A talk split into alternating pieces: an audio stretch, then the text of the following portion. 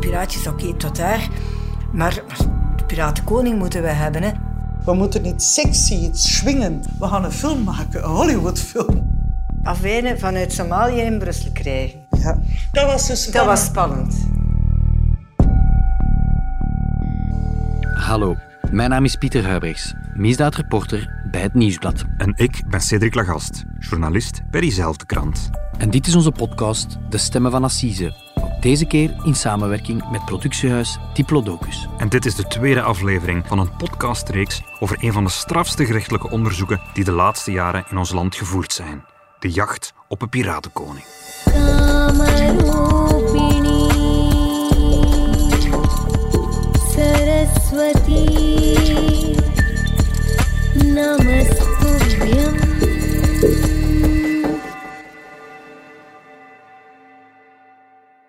Dag Cedric. Dag Pieter.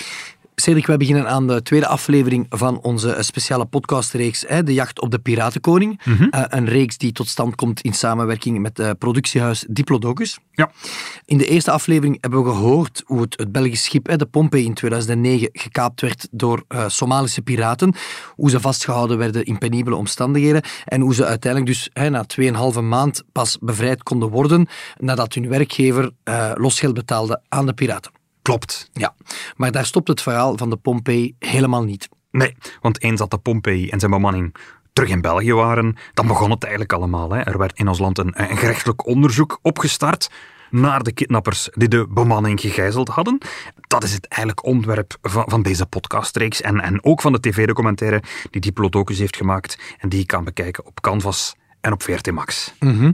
Zo'n Belgisch onderzoek naar hè, Somalische kapers, ja, dat, dat is haast een onmogelijke opdracht. Want ja, er waren de jaren voordien en ook nadien ja, tientallen andere westerse schepen geweest die gekaapt waren. En, en er was nog geen enkel Europees of Amerikaans land in geslaagd om ooit één piraat voor de rechter te brengen. Nee, niemand had ooit die, die ambitie getoond eigenlijk. Hè. Het was ook helemaal geen eh, voor de hand liggend onderzoek. Of- Ze deden het niet omdat het te moeilijk was. Absoluut, ja. En toch heeft het Belgische gerecht die handschoen opgenomen, zullen we maar zeggen. Het is een zaak die eigenlijk jaren heeft aangesleept, maar die uiteindelijk toch de wereld heeft verbaasd. Ja, op een bepaald moment kreeg ik een telefoon van het federaal parket eh, dat ze mijn zaak in onderzoek ging steken. Een zaak over piraterij, piraterij. Dus ik beginnen lezen, lezen, lezen. Dag per dag lezen dat die mensen aan boord meemaakten, meegemaakt hebben. Gevaar van eigen leven, ook vrees van eigen leven. We horen hier de voormalige Brugse onderzoeksrechter Christine Poitier aan het woord in de documentaire De kaping van de Pompey. Eh, Christine Poitier is ondertussen met pensioen, maar zij is wel de onderzoeksrechter die in 2013 eh, het hele onderzoek heeft geleid. We hoorden het haar daar net ook vertellen, hè, dat ze toch eens zich in de haren krabde toen dat ze eh, een dossier over piraterij op haar bureau kreeg. Nu, eh, het, het onderzoek liep op dat moment eigenlijk al. Hè. Het federaal parket heeft onmiddellijk nadat de gijzeling beëindigd was, nadat de bemanning bevrijd was, hebben zij onderzoekers van de federale politie op het vliegtuig naar Afrika gestopt. Eerst om de bemanning te verhoren, natuurlijk. Maar ook om, om bewijsmateriaal op die boot te verzamelen. Die boot is ook naar een veilige haven gesleept. Die onderzoekers zijn daar in steriele pakjes aan boord gegaan om bewijzen te verzamelen. En ja, die boot, zo hebben ze ook beschreven, dat was een stort eigenlijk. Dat was een vuilnisbelt. Overal lag afval. Na 71 dagen, bijvoorbeeld om iets te zeggen, daar waren eh, tijdens die gijzeling 45 geiten die werden daar te plekke op de boot geslacht. En ja, dat slachtafval, dat was daar blijven liggen. Maar toch, tussen die hoop afval eigenlijk konden ze toch nog vingerafdrukken vinden van, eh, van piraten. DNA van meer dan uiteindelijk 40 piraten. Dus die 71 dagen dat die kaping heeft geduurd, hebben er meer dan 40 piraten op de Pompey gezet. Ja, die losten elkaar af. Hè. Af en toe verliet er iemand het schip, kwam er een nieuw bij.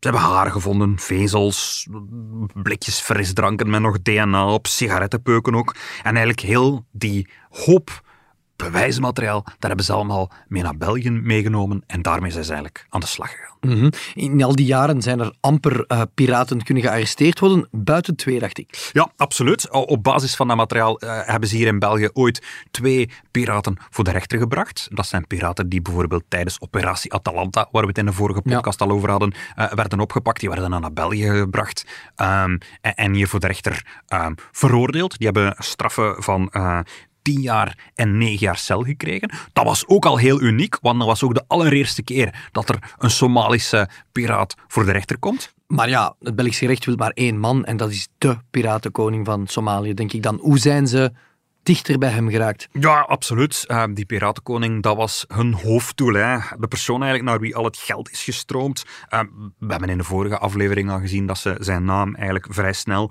achterhaald hadden. Dat was uh, Piratenkoning Afwijne. Ze hadden ook zijn DNA gevonden op dat schip, op een kopje koffie, meer bepaald. Ze wisten wie dat ze moesten zoeken, maar zoals dat we ook al gezegd hebben, een, een voor de hand liggende klus om die man te berechten, dat was het niet die kleine piraatjes, oké, tot daar. Maar, de piratenkoning moeten we hebben. Hè. Was maar voor, voor mijn mensen die slachtoffer waren, die aan boord zaten, te kunnen helpen. Te zeggen van, oké, we laten u niet in de steek, we gaan u helpen. Gerecht moet geschieden. En dan zijn we beginnen zoeken en praten en de mogelijkheden aftasten van, ja, hoe kunnen we die man, die een Somaliër, die in Somalië zit, hoe kunnen we die naar hier krijgen? Het gaat hier dus om uh, Mohamed Abdi Hassan, hè. dat is zijn volledige naam. Uh, hij is een Somaliër. We hebben het al in, in de vorige aflevering gezegd. Hij was eigenlijk een, een visser, eigenlijk iemand met, met een aantal boten en personeel onder zich, die op een bepaald moment heeft beslist dat piraterij lucratiever werd. Hij is ook het hoofd van de Hobyo Haraderi-klan en hij wordt eigenlijk aan, aan minstens 23 kapingen gelinkt. Hij was eigenlijk de absolute nummer één van de piratenkapingen in Somalië. En ja, voor de hele wereld is eigenlijk de man die ze verantwoordelijk houden voor die vele kapingen. Hè. Nu, België staat voor dezelfde problemen als elk ander justitieapparaat eh, overal ter wereld. In Somalië kunnen ze hem niet gaan oppakken. Er is een internationaal aanhoudingsbevel op zijn naam verspreid. Als hij ooit één voet buiten Somalië zet, dan moet hij opgepakt worden en uitgeleverd worden aan ons land. Alleen, ja, we hebben het gehoord, hij komt eigenlijk nooit buiten Somalië. Schaakmat lijkt me dan. Hè? Die man is gewoon ongrijpbaar en, en veel te slim om Somalië te verlaten. Ja. Hoe is die doorbraker dan wel gekomen? Wel, omdat er eigenlijk op een bepaald punt van alles is beginnen verschuiven in Somalië. Veel is eigenlijk binnen veranderen nadat er een Brits koppel gekidnapt werd door de piraten. Het waren eigenlijk vooral vrachtschepen die gekaapt werden door de piraten, hebben we gezien. Maar eigenlijk in oktober 2009 is er een koppel toeristen ook ontvoerd. Paul en Rachel Chandler. Dat waren eigenlijk twee gepensioneerde Britten die met een zeilboot van de Seychelles naar Tanzania aan het varen waren en die ook gekidnapt zijn door die piraten en uiteindelijk 13 maanden lang vastgehouden werden. Dat was eigenlijk heel uitzonderlijk, want die piraten die viseerden eigenlijk alleen maar grote bedrijven en grote boten en dat er eigenlijk ook een onschuldig echtpaar gekapt werd, dat zorgde eigenlijk voor veel kritiek. Niet alleen bij de internationale gemeenschap, om het zo te zeggen, maar ook bij Somaliërs zelf en vooral ook bij Somaliërs in Groot-Brittannië. Want de kranten in Groot-Brittannië die stonden daar vol van uiteraard. En, en ja, die Somaliërs die in Groot-Brittannië woonden, die kregen daar veel vragen over. Die werden ook een beetje scheef bekeken. En het was zelfs in, in, in die zin zo dat uh, een aantal Somaliërs in Londen op een bepaald moment een lied hebben opgenomen waarin dat ze eigenlijk die piraten oprieten om het koppel Chandler vrij te laten.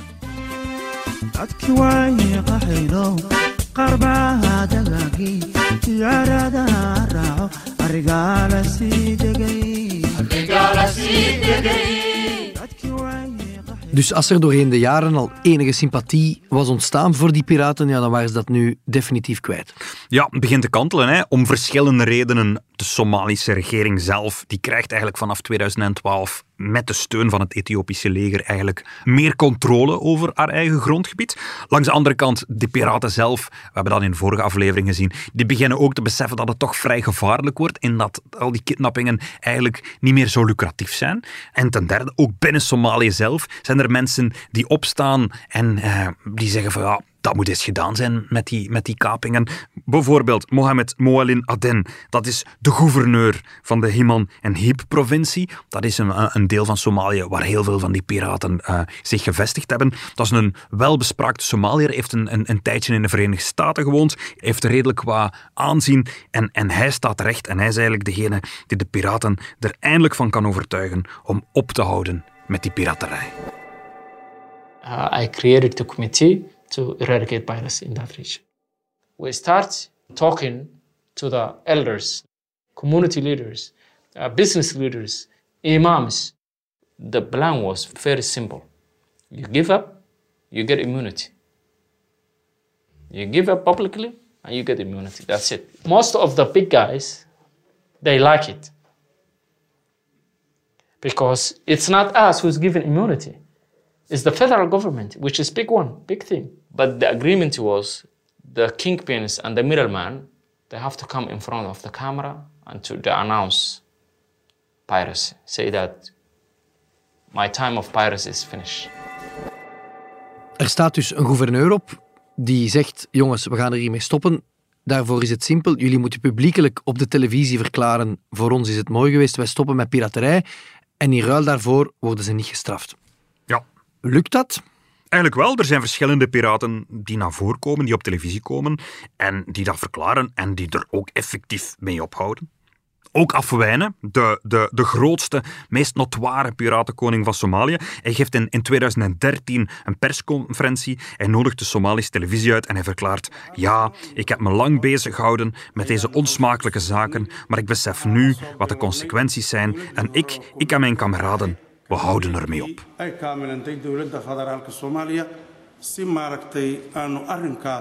Piratenkoning Afwijnen hij stopt ermee. Hij wordt eigenlijk zakenman. Hij investeert zijn geld in een vliegtuigmaatschappij en hij wordt importeur van kat. Dat is een, een drug, een soort plant uit Kenia. Mm dat, is, dat kan je, je kan daarop kouwen. Ja, en die kat is niet illegaal in Somalië. Wel in ons land, voor alle duidelijkheid. Maar in Somalië mag je die gewoon verkopen. En hij kan dat eigenlijk met heel veel winst doorverkopen in zijn eigen land. Hij wordt daar opnieuw rijk mee. Mhm. dat, dat de piratenkoning van Weleer ermee stopt, ja, dat is een grote omwenteling voor Somalië en ja, toekoer voor de scheepvaart in de streek. Ja, absoluut. Het wordt uh, voor een stuk veiliger om, om langs uh, de kust van Oost-Afrika te passeren. Hè. Maar het is ook een, een grote omwenteling voor het Belgisch onderzoek, dat hier nog altijd in stilte loopt. Waarom? Naar de kaping van de Pompeii. Want uh, de speurders hier in België, uh, zij zien die beelden van die persconferentie ook. Ze zijn nog altijd van plan of Afwijnen ooit eens op te pakken. En door die persconferentie zien ze eigenlijk dat de piratenkoning benaderbaar is. Tot dan was het iemand die zich ja, een beetje in de lute hield. Hij stak zich een beetje weg. Maar dan komt hij naar buiten, hij wil met de media praten en er begint een plan te rijpen. Uh, Commissaris Peter van Osselaar en uh, federaal procureur Marianne Capelle, ze vertellen in het volgende fragment hoe dat plan tussen hen twee eigenlijk is ontstaan. Die persconferentie online was een trigger. Afwijnen treedt naar buiten, die spreekt met de media en hij, hij doet publiek afstand van zijn, zijn verleden. Maakt het voor ons heel makkelijk om met hem wel toenadering te zoeken, met het oog op de arrestatie natuurlijk. Dan heb ik onmiddellijk contact genomen met uh, het federaal parket. Met de vraag van, kunnen we samen zitten om een idee te bespreken? Nee, nee, Peter, zo heb jij dat niet geschreven. Jij schreef, zoiets zouden wij ook moeten doen. We zouden die een keer naar België moeten uitnodigen. Ik dacht, wat verdikken, dat is wel geen stom idee. Hè? Dus de, de, bedoeling is om hem uh, te betrekken of uh, aan te lokken met een project dat geld genereert. Want geld was de trigger om hem uh, aan boord te krijgen. Het eerste idee was, we gaan een boek schrijven over zijn leven. Maar dat vond ik zo'n saai ding. Ik zeg, allee, daar had hij voor nooit van zijn leven uit zijn kot komen. We moeten iets, iets, iets sexy, iets swingend. We gaan een film maken, een Hollywoodfilm. Want een boek, dat is veel te saai. Dus wij, wij, wij, zouden een film maken waarin dat we toonden hoe slecht het geweest was, maar hoe goed dat hij eigenlijk was, dat hij, dat hij zijn land nu wilde redden. Van kingping naar... Uh, humanist. Naar humanist of zoiets in die genre. Hè? Dus, uh, dat zou een goede film geweest zijn ook. Dat zou een hele goede film geweest zijn. Alleen hebben we die nooit niet gemaakt. Hè? Nee. Cedric, intussen zijn we vier jaar na de kaping van de Pompeii, 2013. En er ontstaat, blijkt, uh, een concreet plan, uh, door de politie en het federaal parket, om de ongrijpbare piratenkoning naar België te lokken. Ze willen hem hier in de val doen lopen door hem wijs te maken dat ze een film over zijn leven willen maken. Uh, op zich, dat, dat aspect alleen al klinkt als een scenario van een film. Ja, absoluut. Ik denk bijvoorbeeld aan de interview met, met Seth Rogen, waarbij dat er twee journalisten uh, naar Noord-Korea trekken om de dictator daar uh, te proberen interviewen, wat eigenlijk een moordplan is, of aan de dictator, heb je vast ook al gezien, uh, Pieter, Sacha Baron Cohen, een dictator die naar New York wordt gelokt met de belofte dat hij uh, uh, de Verenigde Naties mag toespreken. Maar hij loopt in een val. -hmm. Dat zijn natuurlijk filmscenario's en in de praktijk is dat quasi onmogelijk om te realiseren. Ik kan me voorstellen dat je een piratenkoning niet zomaar per e-mail kunt bereiken, laat staan hem kan opbellen. Um, bovendien zit je natuurlijk met de mogelijkheid de piratenkoning zelf moet dat hele scenario blindelings geloven. Ja, hoe ga je zo iemand overtuigen om voor het eerst in zijn leven Somalië te verlaten? Ja, dat realiseren ze zich bij het federaal parket ook natuurlijk. Hè. Ze stellen zich die vraag ook. Hoe pakken we het aan? Ze snappen, het wordt een werk van lange adem. En ze besluiten eigenlijk om met een tussenpersoon te werken. Ze denken aan iemand die we al zijn tegengekomen. Hoe bedoel je? Ze denken aan de Somalische gouverneur. De man die de piraat ervan overtuigd heeft om uit het vak te stappen. Beginpunt van het plan was eigenlijk een persoon identificeren in zijn onmiddellijke omgeving die eigenlijk hem kan overtuigen om naar ons te komen. Een direct contact is onmogelijk. Dus we hadden echt wel iemand nodig die dicht en frequent contact had met Afwene. En we eigenlijk ja, de persoon uh, geïdentificeerd die voor ons het gemakkelijkste aanspreekbaar is, gevoelig is voor triggers die we graag gebruiken. De federale politie die belt die gouverneur ook niet zomaar op, natuurlijk. Ze gaan hem ook niet vertellen wat ze echt van plan zijn. Uh, er wordt eigenlijk een, eerst een plan van aanpak uitgedokterd. Er worden zelfs gedragswetenschappers uh, erbij gehaald om, om met hen te overleggen hoe kunnen we die gouverneur eigenlijk het best om de tuin leiden, want dat is eigenlijk wat, wat ze gaan doen. En er worden undercover agenten ingeschakeld. Undercover agenten, dat kennen we sinds de tv-reeks met Tom Waas. Dat is een, eigenlijk een speciale dienst binnen de federale politie, waar agenten zitten die erop getraind zijn om onder een valse naam eigenlijk ongemerkt binnen te proberen binnendringen in een bepaald milieu. Ja, we hebben dat bij Tom Waas gezien. Je krijgt dan een nieuwe identiteit en die moet je dan maanden volhouden soms. Ja, en in deze richt de federale politie eigenlijk een fictief bedrijf op. Bayona Films, de naam is blijkbaar een uh, verwijzing naar de stad Bayon in het Frans-Baskeland. En, en binnen die maatschappij zijn er twee undercover agenten. Eén agent noemt zichzelf Younes Gollier, hij is de productiemanager. En een tweede noemt zichzelf Raphaël Lequeux en hij is de marketingdirecteur van het filmbedrijf. En het zijn die twee die contact zoeken met de Somalische gouverneur. Ja, inderdaad. Ze sturen hem eerst een e-mail waarin dat ze aankondigen dat ze een film willen draaien met de titel I Was a Pirate. Eh, en dat ze zowel hem, dus de gouverneur, als piratenkoning Afwijnen willen inhuren als adviseurs. En dat plan werkt? Ja, meteen eigenlijk. De dag erna al krijgen ze een antwoord van de gouverneur. We aanvaarden je voorstel.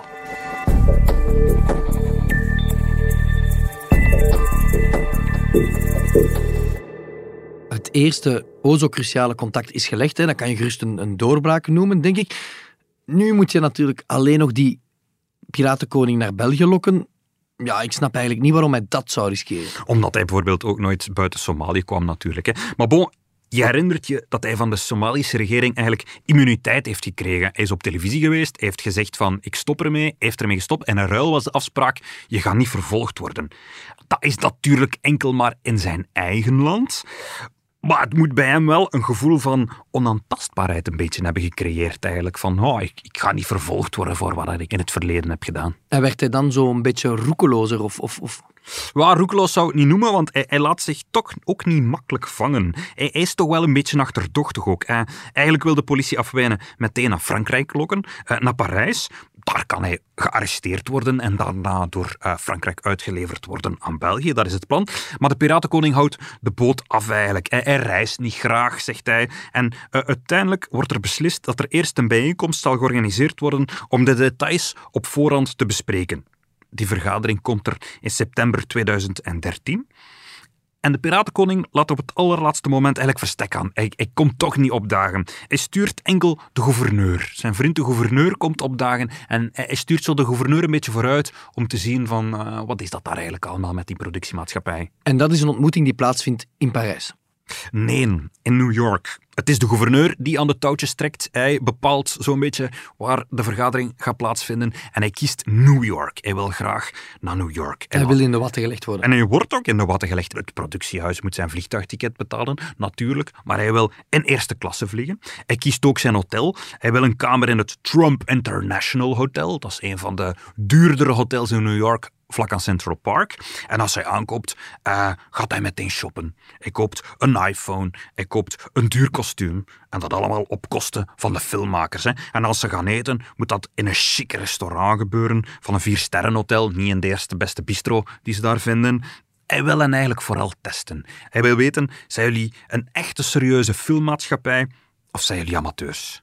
Terwijl in realiteit zijn het gewoon Belgische agenten. Ja, en de undercover-agenten eh, die beseffen dat ze hier indruk moeten maken. Hè, want eh, ze beseffen dat ze getest worden. En via collega's bij de Amerikaanse politie regelen ze bijvoorbeeld dat ze een helikoptervlucht kunnen maken boven New York. Boven plaatsen eigenlijk waar je eigenlijk niet mag vliegen. Om hem te tonen van, ja kijk, eh, wij kunnen toch al iets meer dan, eh, da- dan het eerste beste bedrijfje. En hier zit veel geld achter. Ja, en uiteindelijk leggen ze hun grootste troefkaart op tafel.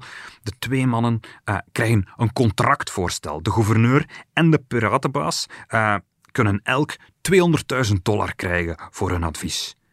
Daarvoor moeten ze wel voor een vergadering naar Europa komen. En bijtenvis? Wel, Tissé, dat is de bijnaam van de gouverneur, eh, hij laat meteen weten dat hij een maand later al met de piratenkoning naar Brussel zal komen. Die onderhandelingen hebben maanden nagesleept, maar een keer dat er sprake is van 200.000 dollar, Kan het snel gaan. ja, voilà. Ze zijn zelfs bereid om in economy class naar Europa te vliegen. Terwijl dat ze enkel in New York het, alleen maar in eerste klasse kon. Ehm, ze moeten vanuit Kenia het vliegtuig nemen. En daar, in de luchthaven, staat iemand van de federale politie klaar om te zien of de twee wel op het vliegtuig zullen stappen. En die politieman, commissaris Peter van Osselaar, die vertelt daar in de documentaire het volgende over.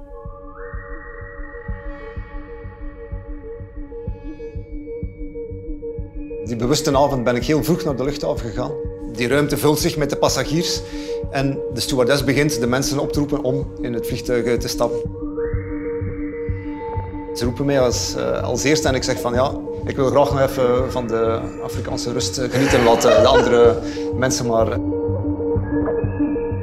Dus ondertussen de boarding gebeurt, de, de tijd begint te dringen. Op die moment ben ik laatste aanwezig in die, in die wachtruimte en word ik bijna verplicht door de stewardess om, die begrijpt mijn gedrag niet meer.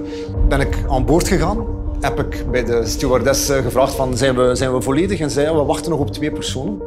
Op een gegeven moment hoor ik de deur dichtgaan en de, en de motoren starten en zie ik twee mensen naar, naar achter lopen in het vliegtuig. Heb ik mij rechtgezet. Ehm de stewardess vroeg me onmiddellijk, is er een eh, probleem? Ik zeg, nee, eh, ik moet nog snel even naar, eh, naar het toilet. Zegt ze, ja, voilà, hier, business toilet. Eh, ik zeg, nee, ik ga liever naar het, het toilet achteraan. Ben ik achteraan naar eh, het vliegtuig gelopen met die stewardess achter mij. Dat gevoel is onbeschrijfelijk. Het gevoel dat We hebben ze. ja, dat ik op het vliegtuig zit, dat is een onderzoek dat zes jaar geduurd heeft, denk ik. Hebben we erover gedaan om hem uiteindelijk eh, wel gearresteerd te krijgen. Nou, dat, ik voelde de voldoening ook voor de, voor de gijzelaars dan op die moment. En, eh, ik, ik voelde echt de, de drang bijna om hen in te lichten van... eh zie, hetgeen dat we beloofd hebben, hebben we uiteindelijk eh, hebben we gedaan. Ehm, ja, en dan, dan stroomt alles van jou. Als de twee mannen op de luchthaven van Zaventem uit het vliegtuig stappen en door de paspoortcontrole willen gaan, dan worden ze daar natuurlijk onmiddellijk apart genomen. En Afwijnen, de piratenkoning, die wordt daar gearresteerd en naar de gevangenis gebracht. Het is gelukt. Ja. Ze hebben hem. Absoluut. De val is dichtgeklapt. Het doel was natuurlijk om hem voor de rechter te brengen. En dat gebeurt ook, drie jaar later, in Brugge. En hoe dat uiteindelijk afloopt, dat vertellen we in de laatste aflevering van De Jacht op de Piratenkoning. Volgende keer in De Jacht op de Piratenkoning. I successfully and genuinely and honestly eradicated piracy. We don't have this money in Nairobi, that's the problem. Ja, maar je kon toch met uw administratie dan een halt toeroepen? Dat is natuurlijk niet waar. Dit was de tweede aflevering van de podcast De Jacht op de Piratenkoning. Gemaakt in samenwerking met het productiehuis Diplodocus en de VRT. De stemmen waren van Pieter Huibrechts en mezelf, Cedric Lagast. De montage is het werk van Benjamin Hertogs van House of Media. En de productie was in goede handen bij Bert Heijvaart.